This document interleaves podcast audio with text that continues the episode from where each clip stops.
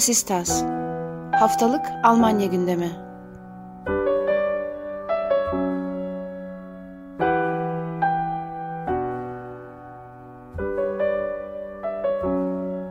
Herkese merhaba. Vasistas'ın 11. bölümüne hepiniz hoş geldiniz. Ben Akın Art, Ali Sözen ve Ayşegül Ilgın'la birlikte bu haftada sizler için Almanya'nın gündemini değerlendireceğiz.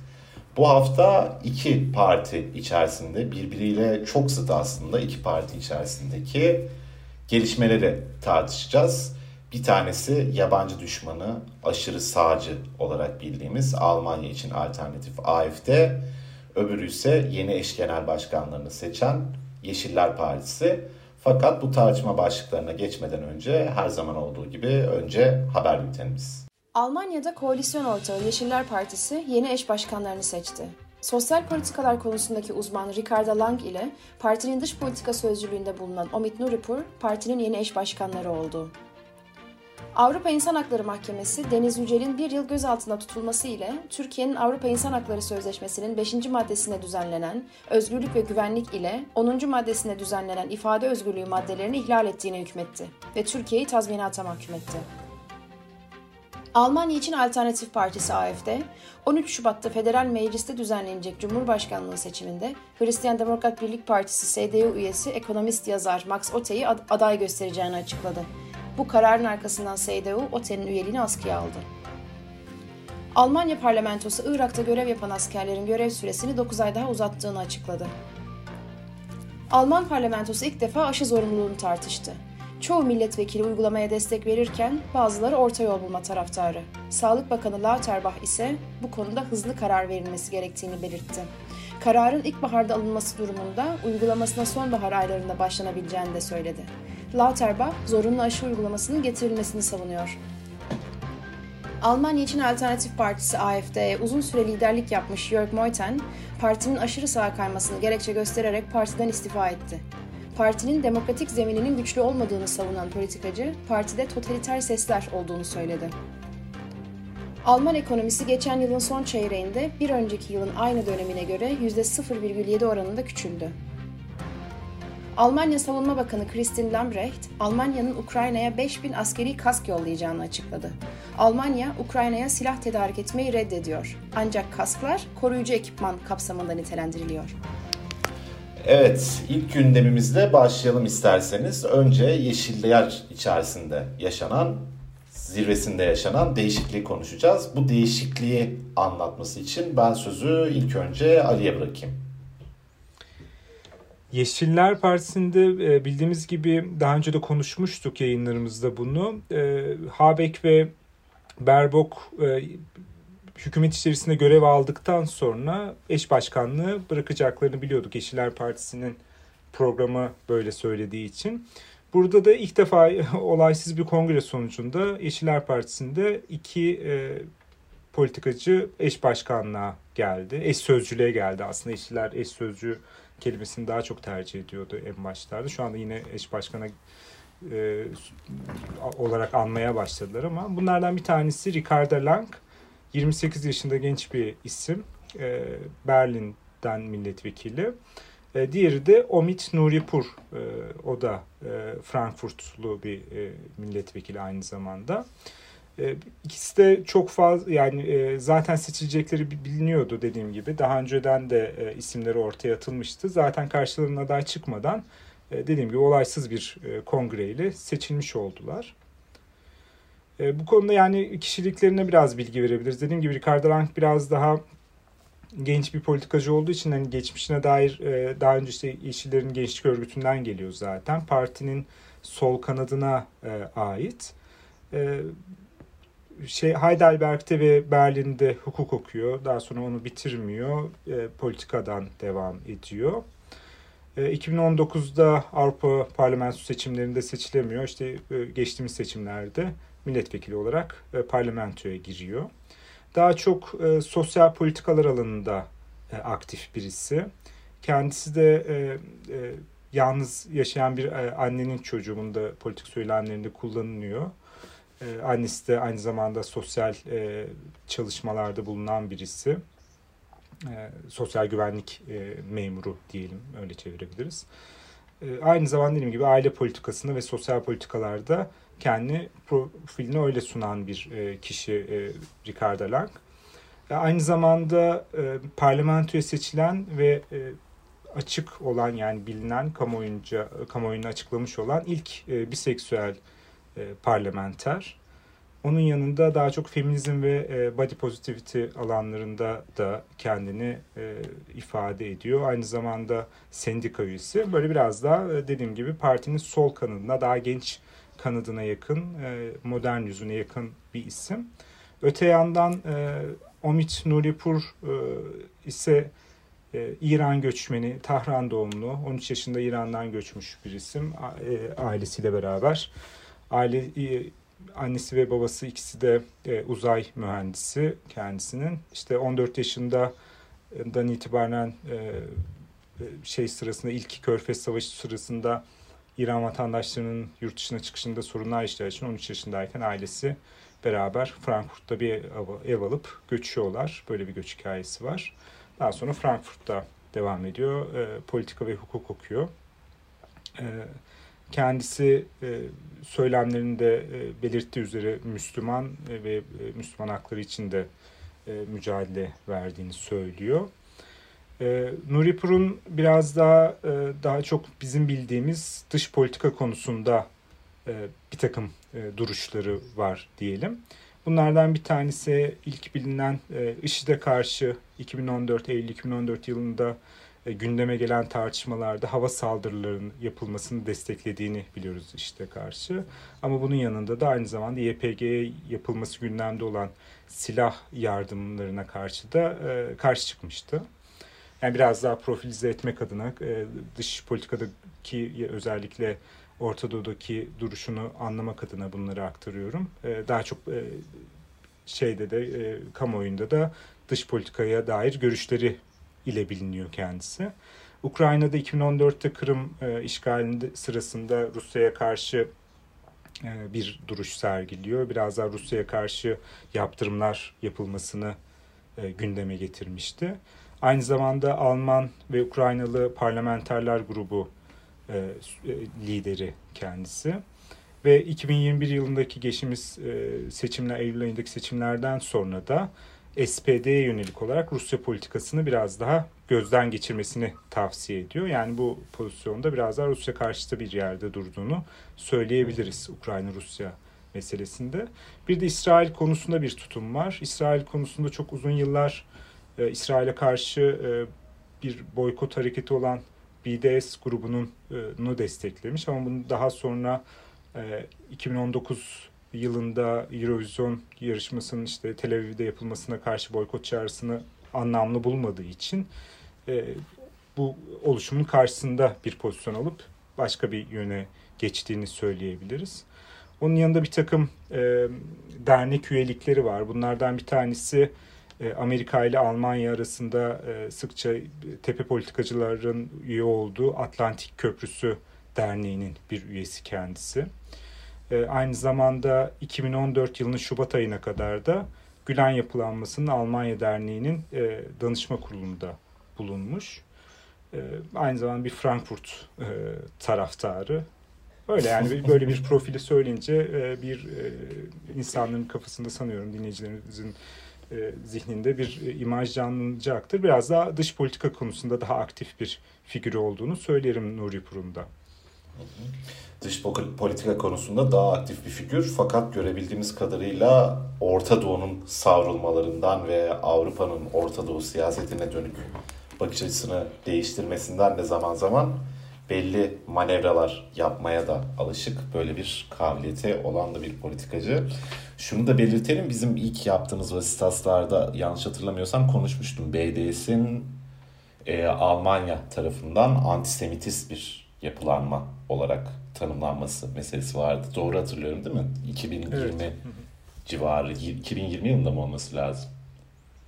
Belki aynı vakitlerdedir e, Nuri Evet, evet. E, o bir miktar açıkçası dikkatimi çekti. Çünkü bu bunun bu şekilde ilan edilmesi de tabii çat diye gökten gelen bir şey değil. Bir tartışma sürecinin vesairenin ürünü. Muhtemelen o dönemlere yakın bir şey. E, Gülen Yapılanması'nın e, derneğinin danışma kurulundan ayrılması da e, 2014 Şubat'ına Şubat. denk geliyor. Bu da hatırlayacaksınızdır Gülen yapılanmasıyla AKP iktidarı arasındaki kaset krizinin hemen sonrasına denk geliyor. E, bunları da birer dipnot olarak verdikten sonra ben Ayşegül'e... Partinin de pragmatik kanadında olduğunu da söyleyelim. Belki onlar da birbirini tamamlayıcı olur. Evet, senin ha, evet, evet. Eş başkanlığı sadece kadın ve erkek olarak değil aynı zamanda bir realo bir de radikal kanattan gelen e, başkan adayı olarak da yapmışlar yine. Bu gerçi bir öncekinde her iki e, eş başkan da pragmatik kanattan geliyordu değil mi? Evet. Bu sefer Aynen. burada da bir miktar denge olduğunu söyleyebiliriz. Ben şimdi bu konuyla ilgili Ayşegül'e de söz vereyim sonra diğer gündemimize tamam, geçeriz. Zaten çok iyi özetlediniz her şeyi. Belki burada şundan bahsetmek de e, iyi olabilir. Ee, galiba biz bu konuyu daha önce SPD'nin e, durumunda tartışmıştık ama Yeşillerin eş başkanları değiştirme kararı e, şundan kaynaklanıyor. Bir kuralları var. Hükümette yer alan isimlerin parti yönetiminde yer almaması gibi bir kararları var. Çünkü hem parti bağımsızlığını hükümetin çıkarlarından korumayı planlıyorlar. Yani ayrı yere koymak istiyorlar. Böylece parti tabanıyla e, hükümetin çıkarlar arasında bir denge oluyor bu başkanlar. Dolayısıyla 2018 yılından beri Berbok ve Habek eş genel başkanlardı. Şimdi ikisi de bakanlık görevinde bulundukları için Yeşiller iki yeni başkan tarafından yönetilecek. E, SPD özelinde tartıştığımız bir meseleydi daha önce. Fakat bunun Almanya'daki başka partilere de sıçrama ihtimali olduğundan, böyle bir genel yaklaşım olduğundan ve bunun belki Türkiye için zor gerçi şu aşamada ama dünyanın geri kalan e, siyasi partilerine de bir şekilde rol model olabileceğinden bahsetmiştik. O da şuydu, partilerin başbakan adaylarıyla yöneticilerinin, parti genel başkanlarının farklı isimler olması. Yani bir önceki seçimde gerçi SD'nin aynıydı ama e, Merkel örneğin başbakanlık için yarışırken parti genel başkanı değildi. Olaf Scholz şimdi mevcut başbakan başbakanlık için yarıştığı sırada parti genel başkanı değildi. Daha fenası diyelim parti genel başkanlığı seçimini kaybetmişti. Parti, mevcut parti genel başkanı o dönemki parti genel başkanlarına karşı. Fakat e, parti liderliğinin daha belki genel sekreterlik gibi hani örgüt içi bir takım şeyleri kapsayan bir yapıya evrilebileceğini buradan yorumlamak mümkün. Başbakanlığın da daha otonom bir vaziyet kazanarak yeri geldiği zaman parti tabanıyla çeliştiği noktada bu hareket kabiliyetini belki kullanmaya gayret ederek bu otonomluğu kullanması söz konusu olabilir önümüzdeki zamanlarda. Bu işler bir model midir değil midir açıkçası ben emin değilim. Çünkü yetki karmaşaları ve seçmenin kafasında soru işareti yaratma ihtimali de ciddi bir risk olarak duruyor. Şimdiye kadar SPD'nin bunu iyi kullandığını ben düşünüyorum. Yani hem muhalefet olmanın avantajını kullanmıştı hem koalisyonun parçası olmanın avantajını kullanmıştı bir önceki büyük koalisyonda. Önümüzdeki süreçte bu aynı şekilde işletilebilecek mi yoksa bahsettiğim negatif tarafı ağır basacak ve buradan bir dezavantaj mı ortaya çıkacak? Onu hep beraber göreceğiz. İsterseniz yavaş yavaş daha az konuştuğumuz... Bir şey daha ekleyebilirim Tabii. aslında burada. Yani şu yönde olabilir. Sadece başbakanlık üzerinden konuşuyoruz da mesela işte özellikle koalisyon hükümetlerinde şöyle bir avantajı da olabilir gibi geliyor bana. Özellikle işçiler üzerinde şu anda düşündüğümüz zaman bir Dışişleri Bakanı olup yani bir başbakanken zaten tepede ve daha genel bir e, politika yapıcı pozisyondasınız. Orada konuşmanız daha farklı olur ve politikaları belirlemeniz daha farklı olur. Ama işte bir Dışişleri Bakanı olarak söylemleriniz daha çok dışişleri alanında yoğunlaşmak durumunda oluyor. Ya da bir iklim bakanı olarak, bir ekonomi bakanı olarak ve bir anda diyelim bir iklim bakanının ya da bir tarım bakanının bir anda daha genel geçer diyelim ki göç politikasına dair bir şey söylemesi o e, görevlerin biraz karmaşıklaşmasına yol açıyor. Bir de yani bakanlık pozisyonları ya da yüksek tepe pozisyonlar zaten gerçekten tüm mesainizi alması gereken pozisyonlar. Orada ciddi bir emek harcamanız gerekiyor ve bir de bunun yanında bir örgüte yönlen, e, yön vermek. Bir yandan da bunların uyuşma e, şansları da daha düşük gibi geliyor bana. Birisi biraz daha idari bir pozisyon gibi de kalabiliyor zaman zaman.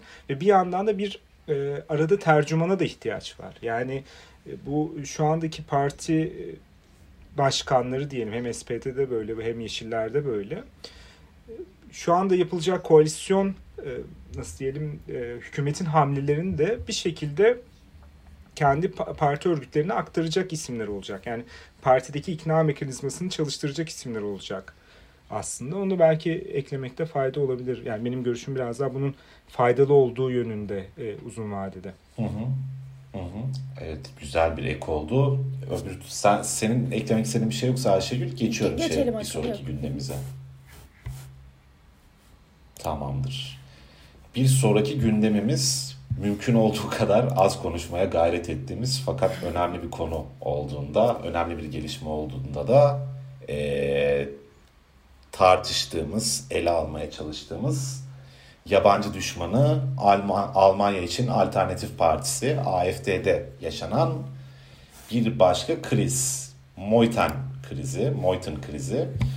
Bu konuyla ilgili ilk hanginiz söz almak ister? Bu sefer Ayşegül'e vereyim isterseniz. Ondan sonra tersinden bir e, döngüyle tamamlayalım bu tartışma turunu da. Ee, ya evet senin de bahsettiğin gibi bu hafta e, çok konuşuldu bu konu. Aşırı sadece bu AFD'nin uzun zaman liderliğini yapan e, sözcüsü de olan Jörg Meuthen partiden ayrılacağını duyurdu.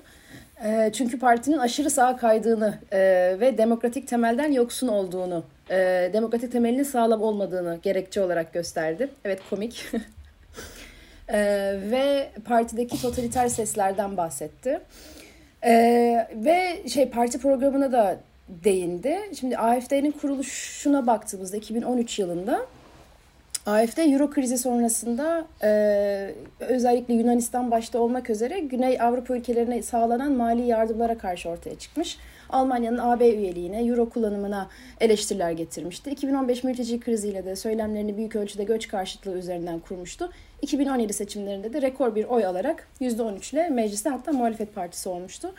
E, ama e, e, ayrılacağını açıklarken şöyle bir e, gerekçeden de bahsetti. Artık partinin sadece pandemi e, konusu üzerinden politika yaptığını, sadece meselenin bunun üzerine döndüğünü söyledi.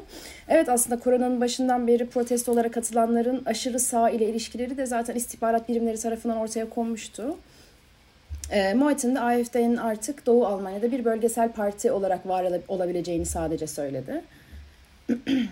e, keza son federal seçimlerde de AFD %2 oy kaybı yaşayarak %11'e düşürmüştü e, oylarını ve muhalefette değil artık mecliste. E, Moit'in partiyle ilişkisi, ilişkisini keseceğini açıklasa da Avrupa Parlamentosu üyeliğini tutmak istediğini söyledi. E, aynı zamanda diğer partilerle de görüşmeler yaptığını fakat henüz e, belli bir karar ya da e, bir sonuç olmadığından bahsetti. Fakat AFD'den çıkan ayrılan bir ismin iktidar ya da muhalefette herhangi bir partide yer bulma ihtimali oldukça düşük, imkansız hatta e, gibi görünüyor. E, şimdi AFD içerisinde de sağ ve e, bunu kesinlikle tırnak içinde söylüyorum. Yani ılımlı e, kanatlardan bahsetmek mümkün. Moyton bu kutuplaşmada e, ılımlı tarafta kalan liderlerden, isimlerden biriydi ve e, şu an e, başında olan Tino Kropola ve Alice Weidel de daha sağ kanadı temsil ediyor. Dolayısıyla yani bu kutuplaşma liderler arasındaki güç dengelerine de yansımış durumdaydı. Hatta 2021 yılında e, Kropola ile Weidel'in seçilmesi daha ılımlı kanatın bir kenara itilmesi olarak da yorumlanmıştı. E, bu istifa sonrasında yani ayrılacağını açıklamasının ardından Maydel'den de e, eleştiri geldi. Partiye çamur atıyor ama aslında karar bu kadar politik değil. Kendisi partinin içerisinde bulunduğu bir bağış skandalı var şu anda. Bu nedenle ayrılıyor gibi bir açıklaması oldu. Kısaca bu bağış skandalından da bahsedeyim.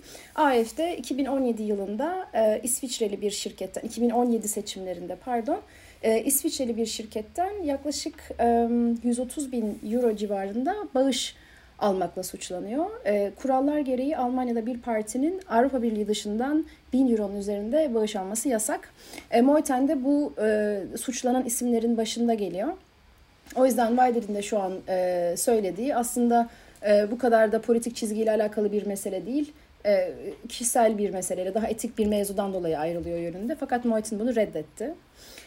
Ee, yani tabii bu istifanın ardından kendisini bu kadar ılımlı ve AFD'yi suçlayıcı yerde konumlandırsa bile nihayetinde yıllardır e, partinin sözcülüğünü yapan, bütün bu e, gidişatı da yöneten isimlerden biri.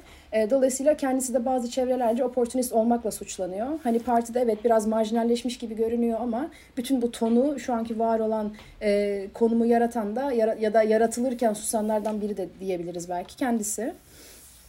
Ee, buna paralel olarak yani bu AFD e, bu yaşanırken aynı zamanda bundan önce şöyle bir şey oldu. AFD Cumhurbaşkanı adayı olarak CDU'dan Max Otte'yi aday göstereceğini açıkladı. Ki hali hazırda diğer partiler e, Steinmeier'e yeniden destek vereceklerini söylemişlerdi. Yani AFD bu hamlenin e, CDU'da bir karışıklığa neden olabileceğini hesaplamıştır diye tahmin ediyorum. Belki istedikleri de budur. E, dolayısıyla CDU'nun içinden bir ismin AFD'nin Cumhurbaşkanı adayı olarak gösterilmesi CDU'da e, evet e, biraz sesleri yükseltti ve OTE'nin üyeliğinin askıya alındığı açıklandı. Çünkü henüz resmi olarak ihraç süreci sonlanana kadar yani askıya alınmış dur- duruyor. Ee, yani bu gelişmeleri CDU-AFD dengeleri üzerinden de değerlendirebiliriz. Ee, zaten bu konuda e, Akın ve Ercan'ın yaptığı geniş çaplı bir analiz mevcut 7. bölümümüzde. Oraya da e, geri dönüp dinleyebilirsiniz. Şimdilik ben e, bu kadar detay vermiş olayım. Siz ne söylemek istersiniz? Ben bir küçük not ekleyeyim Ali'ye sözü vermeden önce. Ona da bir soru atmış olayım. Ya birincisi e, Ayşegül de bahsetti zaten. E, Ercan'la yaptığımız programda konuşmuştuk. Mert'sin CDO'nun başına geçmesi acaba AFD'nin alanını daraltır mı diye daha sağ bir figürün. Acaba bu alan daralmasının belli krizleri hızlandırdığını söylemek mümkün mü? Birincisi bu. İkincisi de bu aslında bir yandan yeni bir kriz değil. İsimler değişmiş olsa da AFD'nin ilk kurulduğu zamanki erken dönem liderlerinden biri Frauke Petri çok da etkili bir figürdü AFD içerisinde. Hemen ilk seçimin ve AFD'nin büyük bir sükse yaptı aslında %13'lük bir oy aldığı seçimin kısa süre ardından AFD içerisinde aşırı sağcılar olduğunu söyleyen yani biraz karikatürize ediyorum ama yani ciddi radikal bir toplam olduğunu söyleyen ve aslında kendisinin bu partinin kuruluşunda böyle bir şey amaçlamadığını işte söyleyen yine basitleştirmek pahasına aktaracak olursam bir çıkışı vardı. Yani bunu da bir hatırlatma olarak atayım ve bu bir süreklileşecek kriz mi AFD içerisinde hep birileri daha ılımlı olanı kusarak gidecek ve daha mı radikalleşecek acaba parti gibi bir ikinci soru daha atmış olayım ortaya. Ay hemen ikinci soruna hakkında düşündüklerimi söyleyerek başlayayım. Yani partide güç savaşını kaybeden ılımlı olduğunu iddia ederek kaçıyor biraz bence mesele bu yani hani aşağı yukarı aynı radikallikte duruyorlar ama Moiten'de de öyle oldu. Yani uzun zamandır parti içerisindeki iktidar savaşında e, geriye düşmüş bir isimdi ve diğer e, işte Weidel tarafından da Kupayla tarafından da ciddi şekilde eleştiriliyordu. Hatta beraber bir tane bu son e, Eylül'deki seçimden sonra bir basın toplantıları var üçünün yaptı. Böyle havada ciddi bir gerginlik birbirlerine hani basın toplantısı sırasında birbirlerini eleştirerek açık açık falan. Ee, orada zaten çok belli oluyordu. Şimdi orada e, cidden ben e, de böyle yani e, gerçekten kendi ılımlı gibi göstermeye çalışan ama tabii ki yani AFD'li ve ılımlı bir yanı da yok. Yani açıklamaları vesaire takip ettiğiniz zaman çok yakın vakte kadar zaten e, böyle yani ılımlı olarak anlayabileceğiz bir şey yok. Bir, bir, biraz daha figürü sempatik bir figür. Bir profesör aynı zamanda ekonomi profesörü. E, biraz daha dış görünüş olarak daha insanları sempatik gelebilen bir insan. Dolayısıyla bunları ben biraz daha kullanıp bu konuda çok ciddi eleştiri yazıları çıktı. Hani kendi bu şekilde sattığına dair ama yakın vakte kadar zaten o partinin e, aşırı sağ kanadının da zaman zaman desteğini almış bir isimdi. Dediğim gibi bir yerde bu e, güç savaşı nihayetinde e, birileri kaybediyor bu güç savaşından ve bu kaybeden kişi de çıkış yolu olarak kendinin ılımlı kaldığını partinin inanılmaz bir yere gittiğini ama yani artık o işin dibi yok yani gidecek çok fazla sağ alan kalmadı AFD için öyle diyelim yani içerisindeki belli kanatları düşündüğümüz zaman. Özellikle bu tabii korona e, yalanlayıcısı ekip inkar, korona inkarcıları arasında e, ciddi bir destek buluyor e, parti. Bunlar arasında Moiten'in desteği biraz daha az. Moiten'e yönelik destek biraz daha az ama Moiten'in desteği sürekli olarak düşmekteydi zaten uzun süredir. E, Weidel gibi, e, Björn Höcke gibi e, karakterleri biraz daha yükselişte şu anda.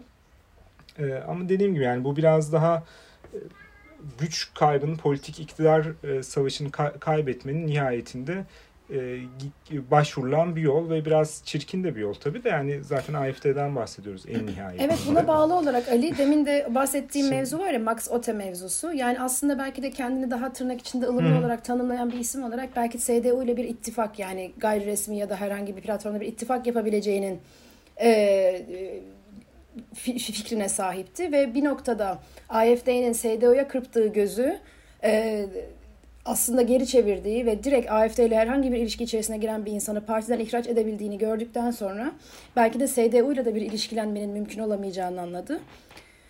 Ve evet ayrılma kararı aldı. Ya bir de hani bunlar böyle e, Moiten kişiliğinde de öyle. Yani bir e, profesör ama e, işte 51 yaşına kadar hiçbir zaman politikanın içerisinde yer almamış. AFD ile beraber politika yapmaya başlamış ve bu politikayı da bir süre götürmüş ve sonra da kaybetmiş. Yani burada çok AFD içerisinde çok e, nasıl diyelim kurt politikacılar yok. Yani yeni de bir oluşum olduğu için buradaki güç savaşlarının da düzeyi ve e, biçimi de değişebiliyor. Ben Moiten'in hani bahsettiğin anlamda CDU'ya yakın e, bir e, yöne gitme vizyonu olabileceğini çok düşünmüyorum açıkçası. SDO'dan aksine bence oraya bir kayma şeyi var. Orada bir alan gören bir ekip var. Ee, oradan SDO'dan girişlerinde biraz daha buradaki iktidarı kazanma niyetiyle de geldiklerini düşünüyorum. Yani SDO'nun ciddi sağ kanadının biraz daha faşist faşizanlığa giden bir yönelime e, sahip çıkarak oradan bir alan açmaya yöneldiğini düşünüyorum. Ama bu da tabii yani nihayetinde tehlikeli bir yere gidiyor. Oradan da kim galip çıkacak çok kestirmek mümkün değil. Galip çıkacak insan da orada e, mutlak hakimiyet kuracak insanın da nihayetinde AFD'yi tabii çok kötü bir yere götüreceğini düşünüyoruz. Bir de tabii en başta e, sen de bahsettin aslında temel meselelerden biri bu kaçışlardan bir e, mesele de Anayasa Koruma Kurulu istihbarat biriminin AFD'nin tamamını gözlem altında tutuyor olması. Yani yarın bir gün bir parti kapatma davası gündeme gelebilir ya da başka Ve türlü siyasi yasaklar bu olursa ya, eğer, ya da cezalandırmalar muhafazakar seçmenden alabilecekleri desteği ya da bir noktada meşruiyeti kaybetme ihtimalleri var ve belki de bunu göze almak istemedi. Yani o, o partinin üzerindeki riskin çok farkında olarak verilmiş bir karar olabilir. Olabilir. Yani şimdi mesela o tam bahsettiğim basın toplantısında şöyle bir şey vardı. O tam dediğin yere çıkıyor aslında.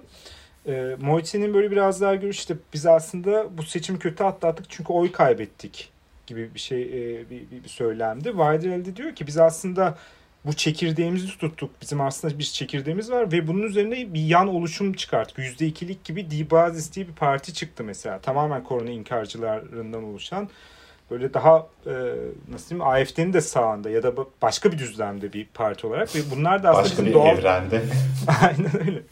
Bunlar da bizim doğal tabanımızdır gibisinden bir şey söyledim. Moiten de bundan çok rahatsız oldu. Yani Moiten'in böyle biraz daha baktığı işte batıda da makul kitlelerce desteklenebilecek bir e, yani sağ aşırı sağ ama oradan da CDU'dan böyle sürekli koparacak. FDP'den sürekli koparacak ve aynı zamanda doğuda da, da sol partiden sürekli oy alabilecek ve o şekilde büyüyebilecek bir parti düzlemiydi. Yani e, doğuda ve batıda ayrı e, nasıl diyeyim e, politika yapan bir parti düzlemiydi. Bu bunun ger- gerçekleşmeyeceğini belki dediğin gibi onu öngördü ve e, gözlemi de belki yani %13 olsun %15 olsun ama en azından oradaki o sert çekirdeği o e, aşırı sağcı çekirdeği tutma yönünde de olabilir. Yani o partinin büyümesine dair e, yürüttükleri fikirler de olabilir. Ama ben yine de e, en başta dediğime dö- dönmek istiyorum aslında.